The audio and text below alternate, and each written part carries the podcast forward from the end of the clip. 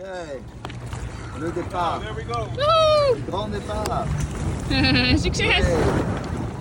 Bon voyage. Bring the bottles back. Yeah, so very little wind, very little wind. So I started uh, paddling because, to Ik ben opgestapt, nou, uitgezwaaid, maar ja, ik kwam gewoon niet weg. Eigenlijk, ik bleef gewoon voor de kust dobberen. Eh, dus eh, in een uur had ik, eh, had ik eh, nog geen 700 meter eh, afgelegd. 1800 kilometer windsurfen. Van Oslo naar Londen. Op een windsurfplank van vlas, gerecycled piepschuim, schimmeldraden en plastic zwerfflesjes uit de rivier de Thames in Londen. Deze zomer surft hij met een belangrijke boodschap naar de minister van Milieu in Londen. Tegen de stroom en wind in. Mijn naam is Marijn Tinga, de plastic soepsurfer. En ik ben Esther Leistra. Ik zet die gekke windsurfer af in Oslo en ben er ook bij als hij aankomt in Londen. Als ik het haal natuurlijk. Luister naar ons verslag van het avontuur De ontmoetingen, en 32 dagen zelfstandig windsurfen langs de mooiste plekken van Europa, waar je, hoe afgelegen ook natuurlijk, altijd geconfronteerd wordt met plastic. Dit, is de podcastserie Windsurf to Sender. Vandaag deel 1, de start in Oslo. There's a lot of boats and it's a Saturday, so um, it's a balancing act. But here we go. Uh, I'll continue s- uh, three o'clock now, and I'll continue to do another seven hours of paddling, get as far as I can. Bye. Uh, Marijn, hoe was het vandaag? Nou, vanochtend eh, zag ik er nog echt, eh, echt heel erg tegenop toen ik eh, uit mijn slaapzak eh, kroop. Ik had toch wel met ontzag en eh, ik dacht, eh, ik ga ik nooit halen, die, eh, die 60 kilometer. En eh, nou ja, dat heb ik uiteindelijk eh, ook niet eh, gehaald. Hè. Maar eh, ja, dit was echt een schitterende, schitterende dag. Super mooi weer. Er zit een hittegolf eh, eh, hier. En je komt langs zulke mooie hoge kliffen met, met eh, stenen. Je ziet het mos er tegenaan en de, en de, de dennenbomen die er tegenaan groeien. Een hele hoop mensen op het water. Het is zaterdagmiddag hittegolf. Dus mensen spreken je ook aan eh, terwijl je daar aan het peddelen bent. Die zien natuurlijk eh, een sub met allerlei bagage erop. Ehm, en ehm, die roepen dan, waar kom je vandaan? En dan zeg ik uit Oslo. Nou, dat vinden ze dan al, eh, dat vinden ze dan al ver. En dan, en dan vragen ze, waar ga je naartoe? En dan zeg ik Londen. Nou, dan is het helemaal. Dus dat, ja, geweldig. Ja, hartstikke druk. Dus heel veel speedboten. En je moet de hele tijd balanceren voor die golven. Maar goed, de dag begon eh, vroeg. We gingen eerst naar eh Fion Ferreira. Dat is een eh, Groningse student. Die heeft iets uitgevonden om microplastic uit het water te halen. Die is echt wereld, wereldberoemd. I'm here with uh, Fion Ferreira in Oslo. Great that I meet him because he is an inventor. He invented a liquid that can extract microplastics from water, and he's here uh, in Oslo for a conference. Yeah, can you can you well- can you introduce yourself? Thank you very much. I'm not sure. I love the title of inventor, but I always wonder what did I actually invent? And that brings me to connecting you with the environment. So just like you, you're connected on this mission. For me, I love the process of solving problems. I'm 22 years old now. I study chemistry in the University of Groningen, and what I work on is, as you say, this microplastic removal technology. Yeah, well, Um, what I basically do is work mainly on this magnetic liquid called a ferrofluid, which can attract plastics from water. Think of it almost like a little way that if we add a drop of this liquid into water, we can these plastics can be sucked towards that liquid and they're made magnetic in that process. So then we can actually bring a real magnet close and pick up the plastics. like they'll, they'll they'll they'll pull them out of the water. Exactly. Yeah. Hey, you're from Ireland. Yes. Ireland. what what measures does Ireland have to combat plastic pollution? like on national level. Well, I think Ireland doesn't do enough to combat plastic pollution. Um, and particularly because Ireland is a country where pretty much everybody is dependent on the ocean. We are an island and we're surrounded by water, but we're also surrounded by a huge amount of plastic trash. And not many people are doing it about it. One of the big problems in Ireland, I think, is people think all the plastic trash is not Irish. Which for some of it is true, but I think that we can't be nationalistic about our plastic trash. There's enough trash for everybody to remove from water. So that's why I think we should all work on that more. Does Ireland have uh, a DRS system, the deposit return system? No, it does not. Do you think a deposit return system is important? I do. Yeah. I think that deposit return is perhaps the only way that we can actually do recycling in a clean way that Yeah. works. Because what we need most for recycling is to be able to have plastic sorted in a very, very precise manner. And a deposit return system is a way to do that. So I think countries like Ireland really need to implement things like this. Yeah, so I'm I'm windsurfing to uh, London to meet up with the environment minister over there and to urge her to speed up uh, deposit return system uh, implementation and introduction of that uh, system. I love that. Yeah. Just the, the windsurfing bit sounds really scary, I'm not going to lie. but uh, I think uh, speaking with those ministers is really important. And yeah. actually, What would, what would be what would be your message to Mrs. Powell, the Well, I- minister? I think to Mrs. Powell, what I would say is that while change is happening, it's not happening fast enough.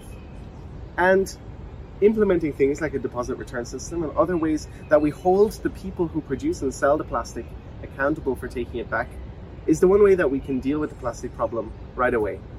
But she also needs to remember that we need more constructive frameworks for young inventors and innovators. I think the youth mindset is quite unique. We can make connections which are unique and different because we haven't seen so much of the world yet. And by supporting young inventors and showing them the problems and also showing them the tools necessary to invent, maybe we can have a lot more young inventors actually make a difference. That's really nice. So, do you think it will make any difference at all for someone to go windsurfing from Oslo to London? Well, I think that um, a it'll be really fun, and you, I think, will also have something which I like to call the ocean view effect. I don't know if you've heard of the overview effect. It's when astronauts go so far out into space that they just see the Earth as a tiny ball, and they get this amazing feeling of peace. But for me, I get the ocean view effect.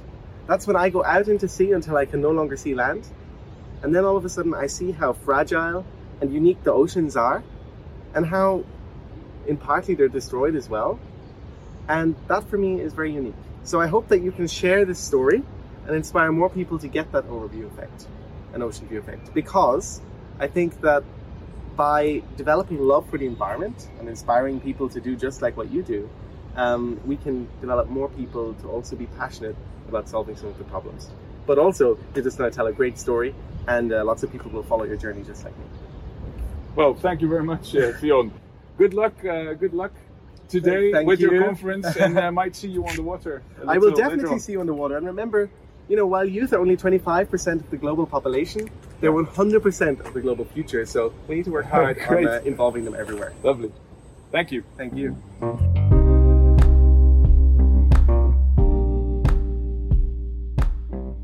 Daarna gingen we door naar het eh, Opera House. Dat is eh, midden in het centrum van Oslo. Daar is een klein eh, strandje naast. Dat, daar zaten natuurlijk ook allemaal mensen al, want het was nou ja, hartstikke warm weer op zaterdagochtend. Daar hebben we de, de auto geparkeerd, de beachflags opgezet, natuurlijk het zeil opgetuigd. Ja, dat moest natuurlijk, want nou, ja, we moesten toch met, eh, met zeil weg. Ook al wist ik dat ik de hele dag zou moeten gaan peddelen omdat er geen wind stond. Moest toch het zeil opgetuigd worden natuurlijk. En daar eh, waren Passion for Ocean en eh, ik, Ingrid Lieland van de Groene Partij, die was daar ook. Daar is, zij is daar deputy head. En ik heb natuurlijk gelijk aan Ingrid gevraagd waarom statiegeld belangrijk is. En wat haar boodschap zou zijn aan de minister van Milieu in Londen. Hi, I'm Ingrid Liland, and uh, I'm a deputy leader of the Green Party Norway. Uh, currently living here in Oslo and working a lot with circular economy, recycling, uh, and all that stuff. What kind of measures are taken in uh, in well Norway to combat plastic pollution?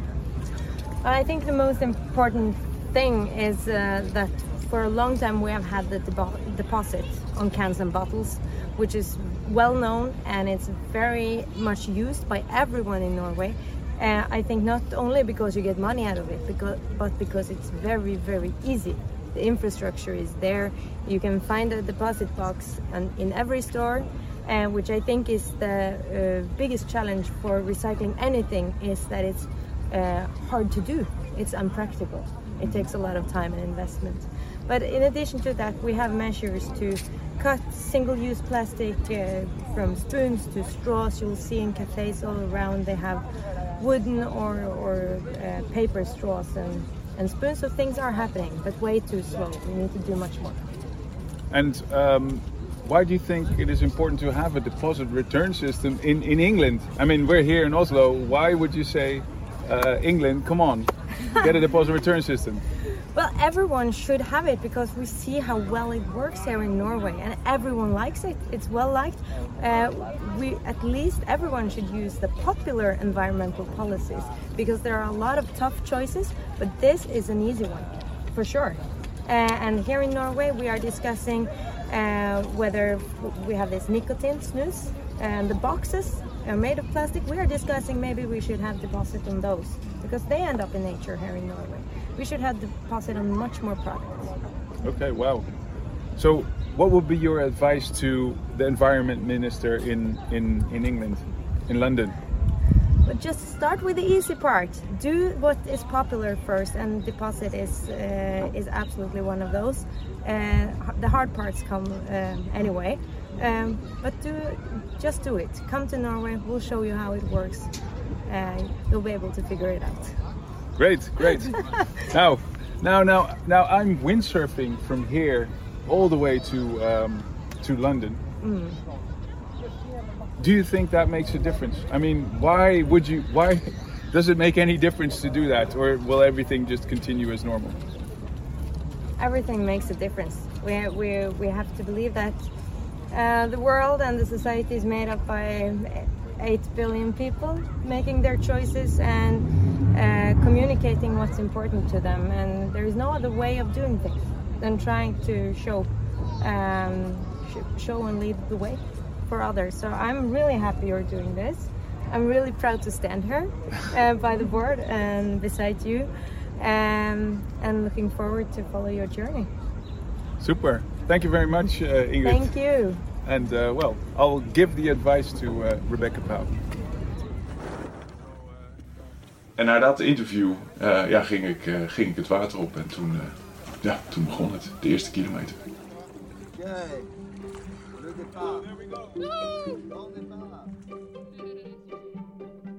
Ik wist dus, dat was eigenlijk het, het, stomme, want dan is dat toch wel weer een soort heel erg, ja, het is toch, natuurlijk toch weer een showtje, want het gaat natuurlijk om de, het gaat natuurlijk om, eh, om die foto van het wegvaren en dat weet je van tevoren, want je weet eigenlijk van tevoren het waait niet en je tuigt eigenlijk voor niks dat zeil op, want je moet, Hoe Ja, je groot moet is het zeil eigenlijk?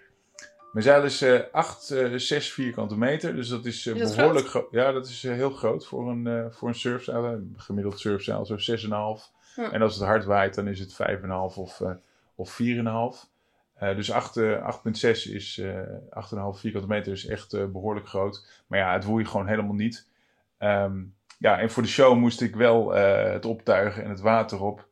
Eh, nou, er stond echt geen, eh, geen zuchtje wind, dus ik moest dus een beetje pompen. Dat wil zeggen dat je dat het zeil als het ware naar je toe trekt en heen en weer haalt, waardoor je alsnog toch een beetje snelheid krijgt. Ik ben opgestapt, nou, uitgezwaaid, maar ja, ik kwam gewoon niet weg. Eigenlijk, ik bleef gewoon voor de kust dobberen. Dus eh, ja. Wat heb je toen nou, gedaan? nou ja, ik ging, kon, ging uiteindelijk een beetje het bochtje om. Maar als ze even om hadden gekeken, ik bedoel na een uur, kon je me nog steeds eh, makkelijk eh, zien. Ik had stiekem een, een elektrisch motortje mee genomen, wat ik ook op de Thames wil eh, gebruiken. Op de Mhm. Thames. Maar ik, omdat het niet woei, dacht ik, dat zal ik eens proberen. Hè, het waait niet. Probeer ik dat. Dus na een uur heb ik dat motortje erop gezet. Heel zachtjes aangedaan, want ik weet, ik houd het heel eh, kort, kort eh, vol. Toen ben ik nog, nog een uur gaan windsurfen. Dus windsurfen met dat motortje erbij. Nou, dat hielp een klein beetje. Toen had ik, ging ik ongeveer 5 kilometer per uur. Maar ik moest Je opkruisen. gaat gewoon iets sneller eigenlijk met het motortje Iets, ietsjes, Iets ietsjes sneller, sneller. Je ja. kan iets meer hoogte lopen. Dus daardoor... eh, maar goed, ik kwam dus nog steeds maar met 4, 5 kilometer per uur vooruit. En ook nog opkruisen. Dus niet in rechte lijn. Ik moest ook nog zeg maar zigzaggen tegen de wind in. Dus toen dat ongeveer anderhalf uur gedaan had, toen dacht ik, ja, dit heeft echt helemaal geen zin. Ik, eh, ik haal mijn zeil eraf en ik ga gewoon peddelen. Toen ben ik dat eh, gaan doen, ook op een plek waar er inmiddels nou, heel veel boten. Het is zaterdagmiddag, dus ja, heel veel boten op het water. Allerlei eh, snelheden ook. Sommige die gaan eh, wel eh, 80 km per uur. Allerlei golven van alle kanten. Nou, daar doorheen eh, gepeddeld. Een lange oversteek eh, gemaakt naar de andere kant. Nou ja, lang, weet ik veel, eh, twee kilometer stuk overgestoken. Voordat ik dan weer eh, langs de kust eh, verder eh, kon. Ehm, nou ja, en dat ben ik blijven doen. Ehm, totdat het motortje opging. Maar dat bleek, maar dat maakte eigenlijk voor de snelheid eh, niet eens zoveel uit. Want Je hebt Met motortje- nog eh, zonder motor gedaan. dan. een hele, heel groot stuk eh, nog zonder motor. Uiteindelijk ging net zo hard met de motor als zonder motor, motor. doet eigenlijk niks. Deed, deed niet zoveel. Nee. nee. Nee. Naar kijken. Dus, ja.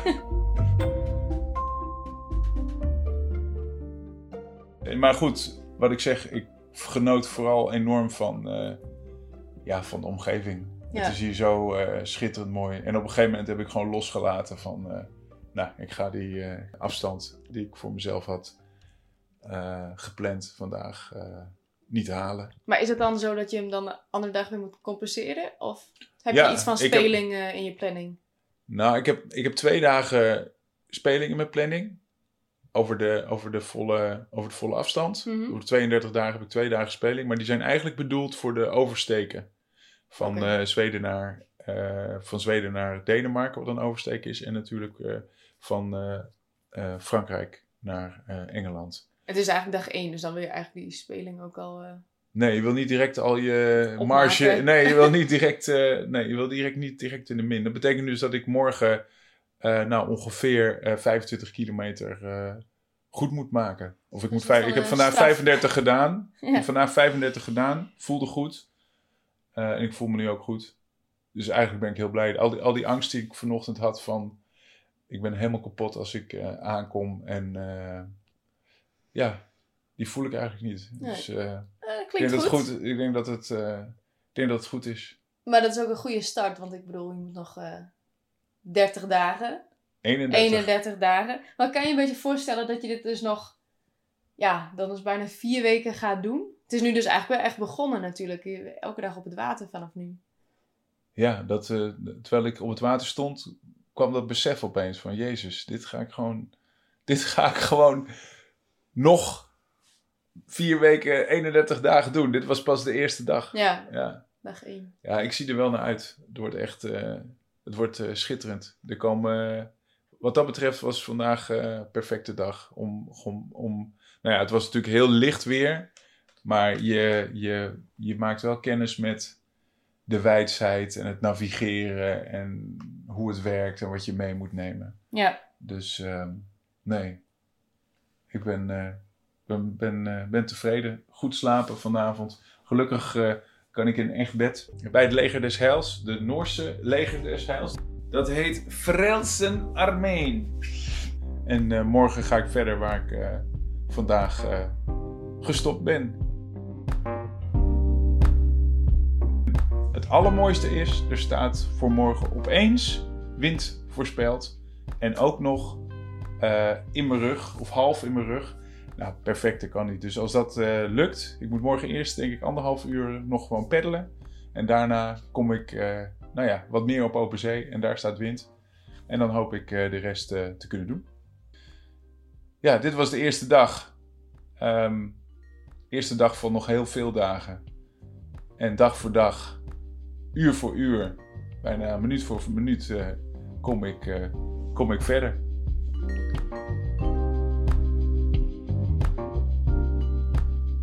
En eh, Esther, dit, Ja. dit, was, dit was podcast 1.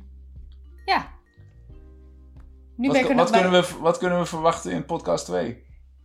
Ik denk dat ik er dan niet meer ben. Dat je dan in je eentje Ja, jij bent allemaal er. dingen aan het opnemen bent en met mensen in gesprek gaat. En Ja, ja. ja, ik ben een weekje met je mee en daarna ga ik weer terug. naar Zweden. Ja, dus eh, Eind van deze week eh, steek ik van Zweden, Zweden over naar Denemarken. Dan eh, rijdt Esther terug naar Nederland. Die zal dan vanuit daar nou ja, alle, alle telefoontjes aannemen en proberen nog dingen te regelen. ja. Dus als jullie me over twee weken horen en Esther zal me dan ook interviewen, dan eh, zit ik waarschijnlijk ergens op het, eh, nou misschien wel Duitse wat. Dan Duitse daar wat, ja. Deense Duitse wat zit ik dan. Heel ander water. eh, en echt een grote oversteken. Hele andere omgeving. Ja. Ehm, dus nou ja, ik ben benieuwd wat er Eerst dan nog komt. even genieten van het Noorse wateren en ook de mooie omgeving. Zo is dat. En als je nou nog wil horen hoe het bord gebouwd is, luister dan nog eventjes naar de, onze vorige podcast over het, de bouw van het bord. Ga naar de website en teken de petitie die daar staat. En eh, nou ja, als je, eh, als je onze expeditie wil steunen, heel graag natuurlijk. Kan ik nog één vraag over stellen over die petitie? Ja, natuurlijk. Kan je in één zin uitleggen waar die petitie over gaat? Ja, de petitie, dat is dus een brief die we aanbieden aan de minister van Milieu in Engeland. Om te laten zien dat er heel veel steun is voor deze missie. En voor het feit dat daar gewoon statiegeld moet ingevoerd worden. En wel zo snel mogelijk. Dus als ik dat onderteken, dan zeg ik... Dan zeg je, Rebecca Pauw, schiet op met dat statiegeld in Groot-Brittannië. Oké, en dat kan dus via de website. Ga naar plasticsoepsurfer.org en teken de petitie.